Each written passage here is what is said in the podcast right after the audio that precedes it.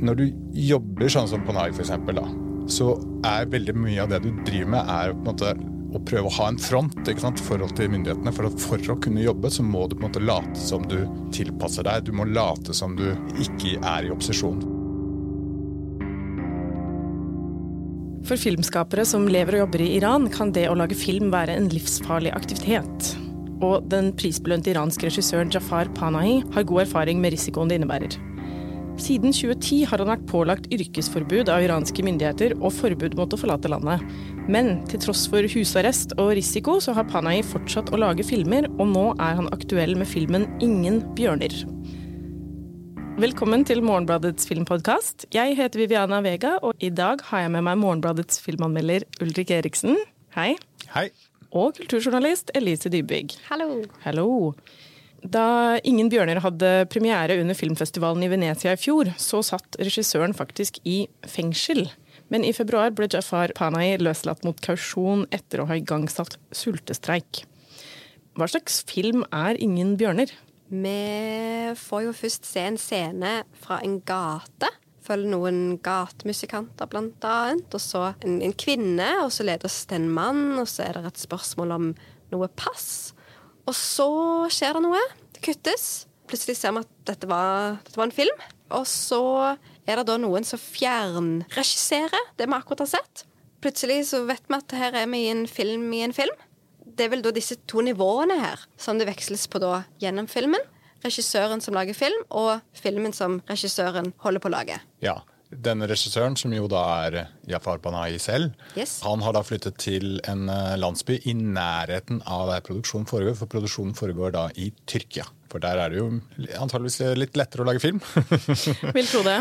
Og så foregår den da på to nivåer. Både i Panais liksom, eh, problemer med lokale myndigheter og vikler seg inn i en historie om eh, ulovlig kjærlighet.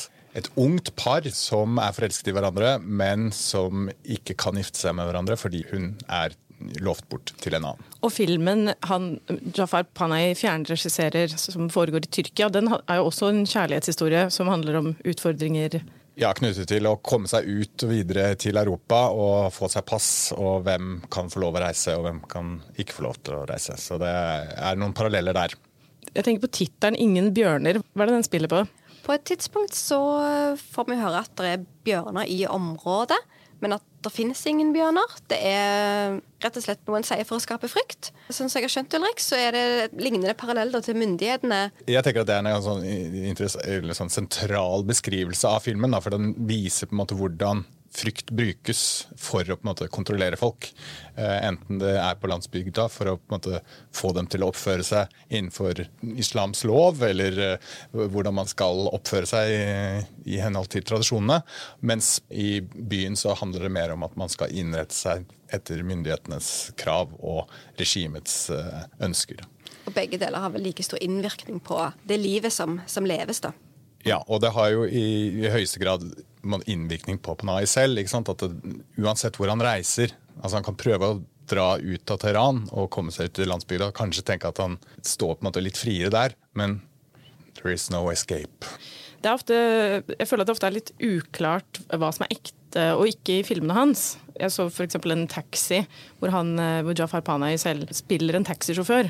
Og så har han et lite sånn øh, skjult kamera inn i taxien. Så blir du litt sånn usikker på er det, er det skuespillere, er det noe ekte som foregår. Hva, hva, hvorfor tror du det er øh, så tvetydig i filmene hans? Nei, altså Noe av det handler jo selvfølgelig om eh, praktisk. At uh, han kan ikke på en måte, lage film på den måten som vanligvis man lager film. Ved å på en måte lage et, et voldsomt stort liksom, apparat rundt. Han må på en måte bruke det han har. Han må bruke de omgivelsene han har. Han må bruke de menneskene han treffer. Fordi han i praksis må gjøre alt han gjør i skjul, så, så kan det ikke bli de helt store produksjonene. Så Dermed så er det dokumentariske formatet, eller det virkelige verden blir på en måte eh, lerretet han må bruke.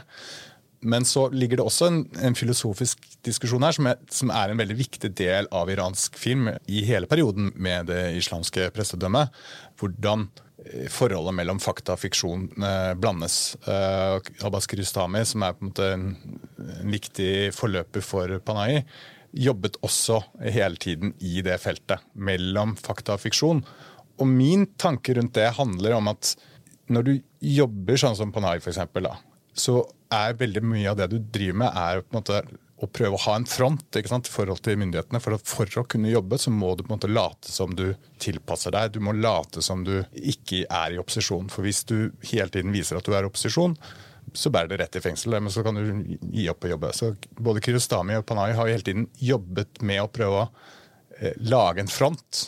Eh, og dermed så blir det også litt sånn uklart for seg selv. ikke sant? Er jeg nå en bløff, eller er jeg ærlig? Uh, og det handler veldig mye av filmene deres om, også denne. er liksom, Når er jeg ærlig, og når er jeg en bløff? Og når skal jeg lyve, og når skal jeg ikke lyve? Det blir jo en film inni en film inni en film igjen, da, nesten. Fordi du har på en måte Selv inni, inni den ekte filmen så er det så mye lag av løgn der også, som du må på en måte gjennom. Ja, og så er det også et element her som også kommer igjen, ikke så mye i den filmen, men, men kinofilmen står ekstremt sterkt i Iran. Altså, de har en voldsom filmkultur og en voldsom filminteresse blant folk også. Og den interessen dreier seg jo også om et ønske om å på en måte oppleve noe annet. Oppleve noe større, oppleve noe som man ikke innenfor relativt strenge rammer kan få oppleve. Og, så det er, det er, det elementet også som gjerne liksom kom inn. så Filmen har på en måte et sånn frigjørende element, men det er også bløff. Så hvordan fungerer det i forhold til virkeligheten? Det er en helt innen en diskusjon. Jeg må si jeg føler ikke at jeg ser noe frigjørende når jeg ser på Jafar Panais filmer. Det er alltid sånn antydninger kanskje til at uh, han prøver seg på et eller annet, eller å leve litt på kanten med loven, eller si kanskje noe han mener veldig forsiktig og sånt. Men de er jo så ekstremt prega av begrensninger. Han lager jo film ulovlig, tross alt, og de kommer jo aldri til å bli vist på kinoer i Iran heller, disse filmene her.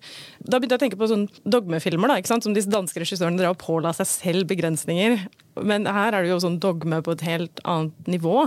Hvordan, hvordan ser dere det i, i filmene? F.eks. det at han må bruke seg selv, da, ofte som hovedperson. Det som slo meg når jeg så denne filmen, er at hvor utrolig flott komponert bildene var. Det er en sånn, kanskje litt sånn på siden, men, men bare igjen at, at, selv om alt er så nedpå, og det er filma litt sånn med det en har der og da, og en lager ikke noe sånn stor ståhei av at her driver vi med filmproduksjon. Du var aldri i tvil om at dette er en filmskaper med et blikk på verden, som du ser. Og det tror jeg særlig er hvordan han iscenesetter seg sjøl i rammen og liksom hustak og bygg og horisonter og himmelen og ja, nei. Det er et veldig interessant altså det Boligen han bor i, den, den, har, den er, du blir aldri helt klok på den. Den har noen sånne mellomnivåer. Den har en takterrasse som er måte, halvannen etasje opp, og så har den vinduer som også er dører. Altså den, det, og den er jo, måte, det er jo sånn arkitektur som ikke er arkitektur, ikke for den er bare bygget i landsbyen av sikkert en eller annen lokal byggmester som bare har klatta på litt her og der, og så er det bygget videre. Men det, har, det skaper en sånn eh, merkelig dynamikk som gjør det sånn filmatisk spennende å se på, da, selv om det er veldig enkle virkemidler så, så, får man aldri sånne kjedelige vinkler. Man får aldri kjedelige eh, utsnitt. Nettopp av den grunnen. Men da er det kanskje også litt tryggere i en sånn type miljø, som er litt sånn labyrintaktig. ikke sant? For det er flere steder å gjemme seg og kanskje filme litt i skjul og sånt, enn om du står ute på gata. Dette vet jeg jo egentlig ikke helt, men jeg antar at mye av grunnen til at både denne filmen og eh, den forrige, 'Tre kvinner', eh, er spilt inn i et område av Iran hvor Eh, Panayis familie kommer fra opprinnelig.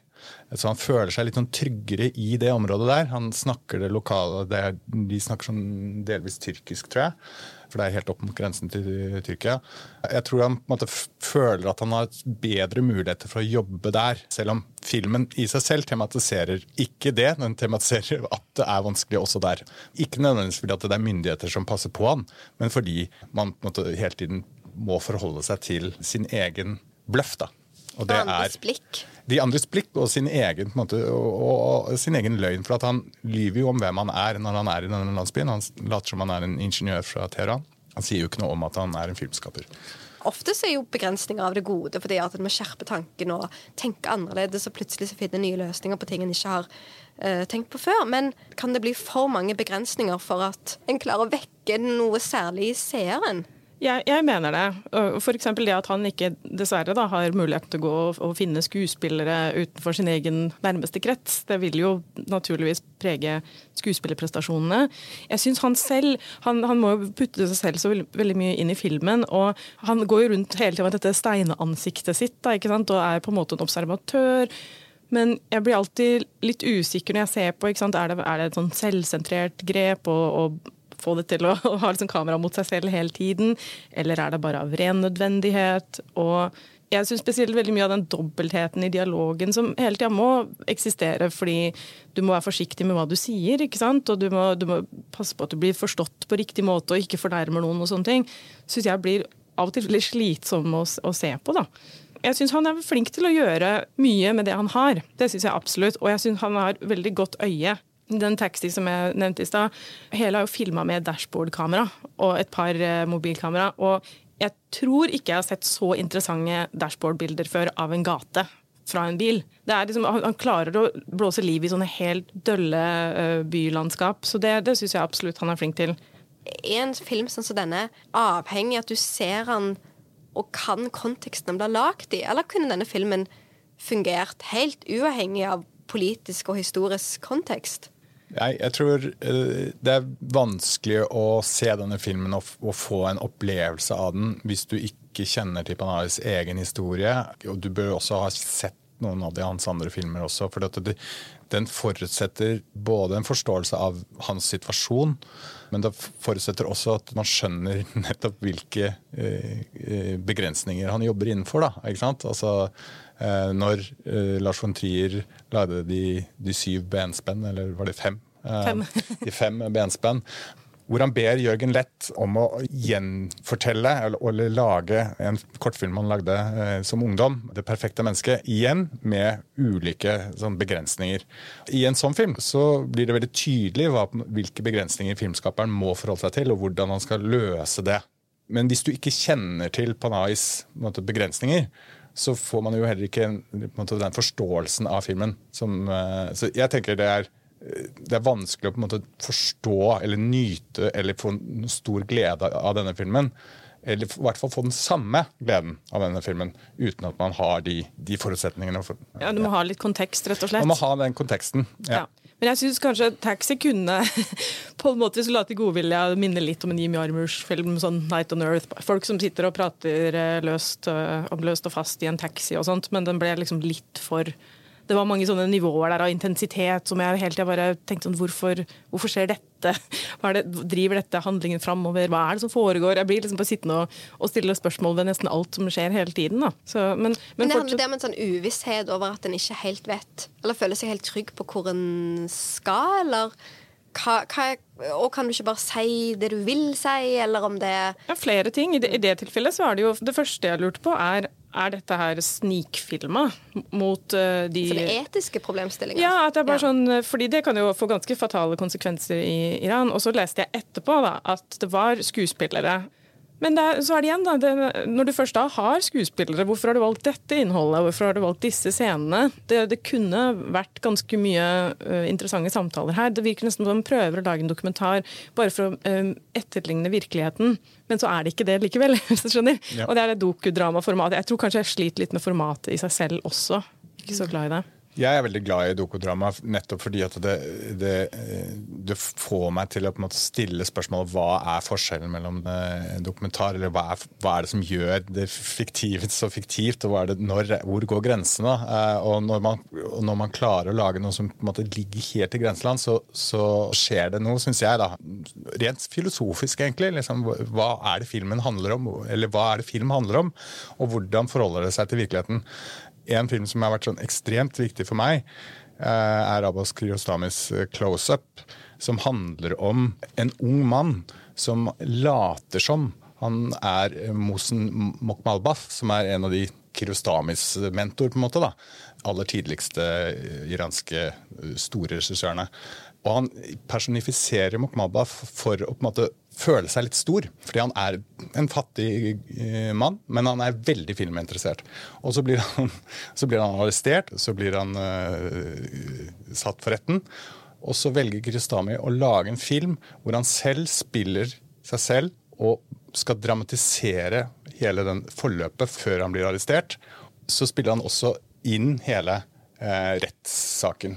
Alt blir bare, de Nivåene blir helt sånn? Er, Hvem spiller hvem, og hvordan, og hva er eh, rettssak? Hva er, eh, når er vi på fiksjon? Og, og det, det sklir opp i hverandre, i tillegg til at det handler om å personifisere en filmregissør, som også er litt sånn komisk.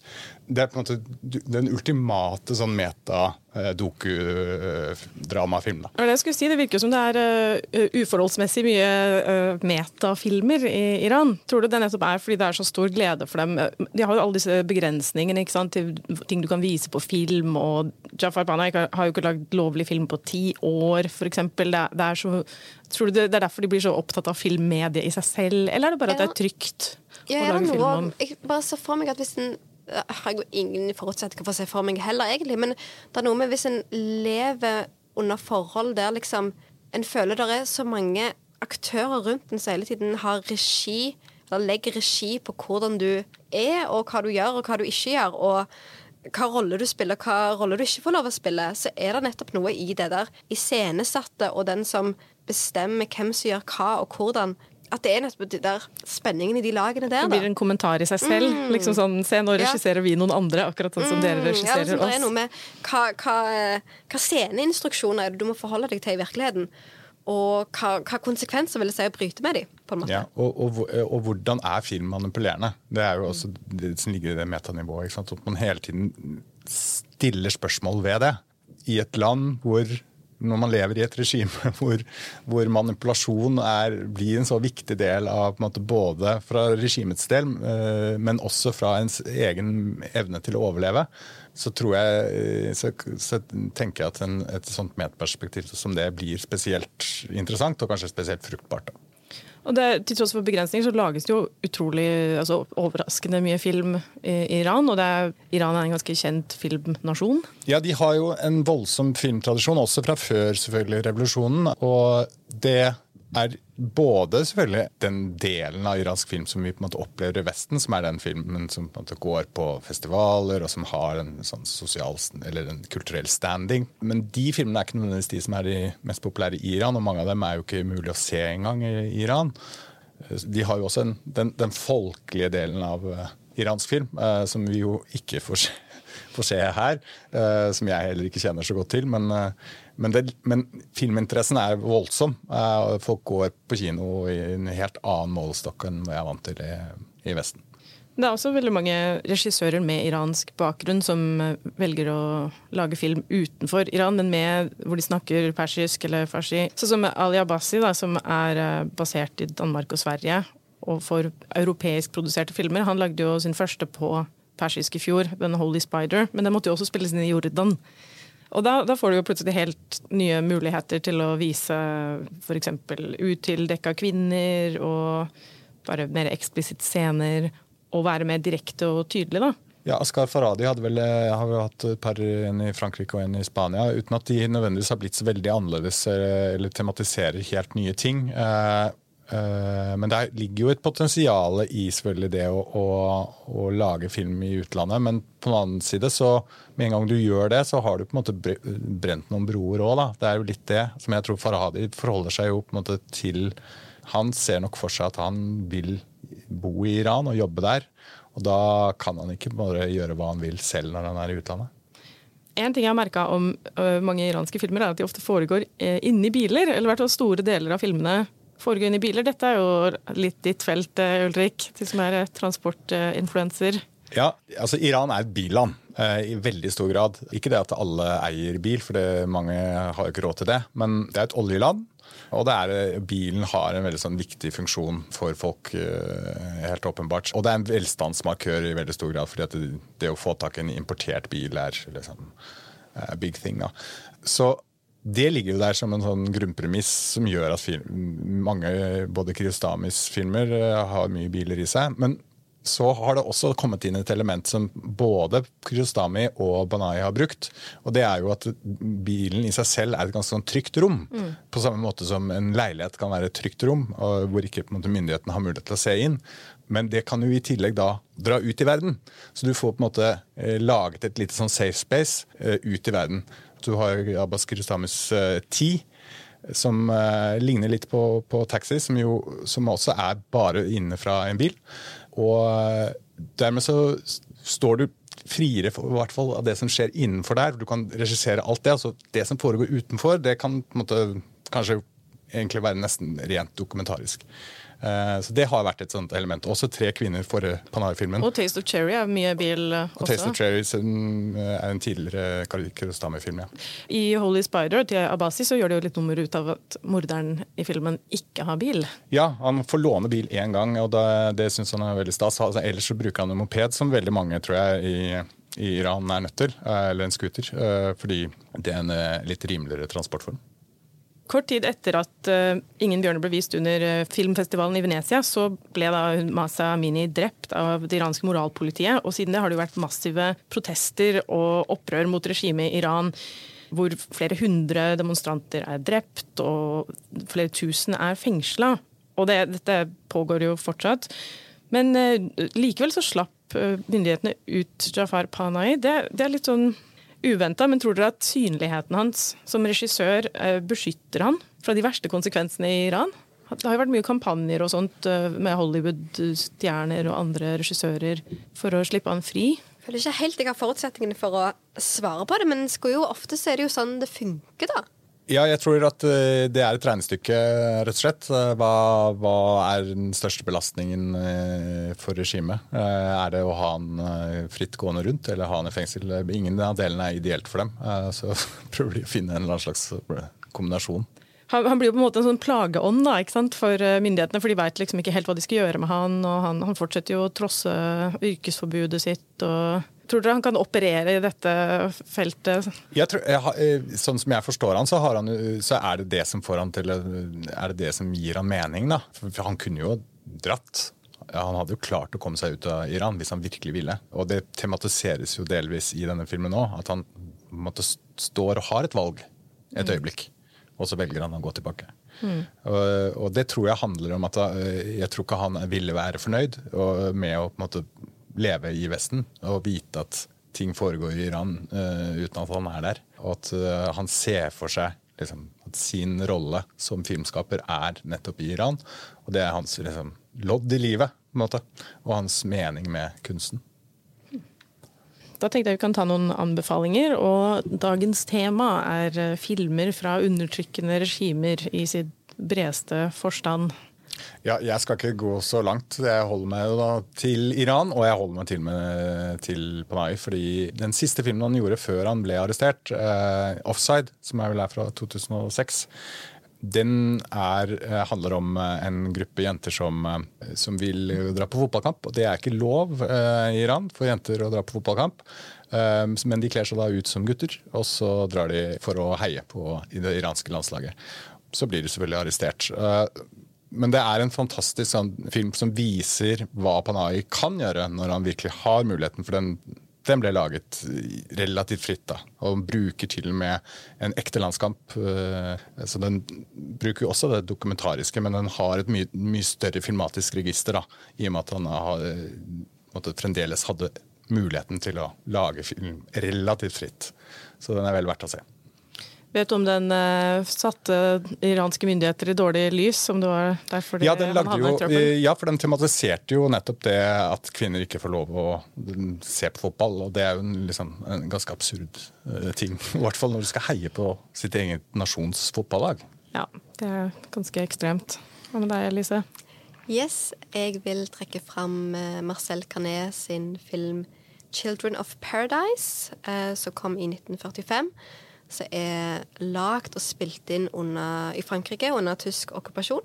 Når jeg så den første gang, så var det, var som om å se en film for aller første gang. Der noen kan da i en sånn situasjon lage noe som kan um, kritisere myndigheter. Så har han uh, gått i helt andre retning. Tar og skildrer liksom fransk teaterliv på 1800-tallet. En Sånn episk kjærlighetshistorie. Masse kostymer. Det er bare virkelighetsflukt all the way, men uh, var flere av de involverte i filmproduksjonen var jødiske. Så liksom forholdene er helt ekstreme, men samtidig ser han da uh, i sitt mest måte filmatisk svulstige igjen. Jeg vil gjerne trekke fram uh, den russiske filmen 'Leviathan', som kom i 2014 og ble regissert av Andrej Sviagintsev. Og jeg har inntrykk av at denne kom liksom på et sånt tidspunkt, veldig interessant tidspunkt, sånn akkurat rett før Putin virkelig begynte å stramme grepet. Og det var kanskje litt sånn fordi den, denne filmen ble faktisk støtta av eh, russisk kulturråd. Til tross for at den problematiserer eh, korrupsjon i, i Russland og oligarki etc. Så han klarte på et eller annet vis å skli gjennom sprekkene. Nå tror jeg han lager sin første engelskspråklige film noensinne. Så det er kanskje ikke like gode kår lenger i Russland. Hvis du vil lese Ulrik Eriksens anmeldelse av Ingen bjørner, så kan du gå inn på morgenblad.no og tegne et abonnement. Og der ligger det også masse annet stoff om film og TV. Og så høres vi neste gang.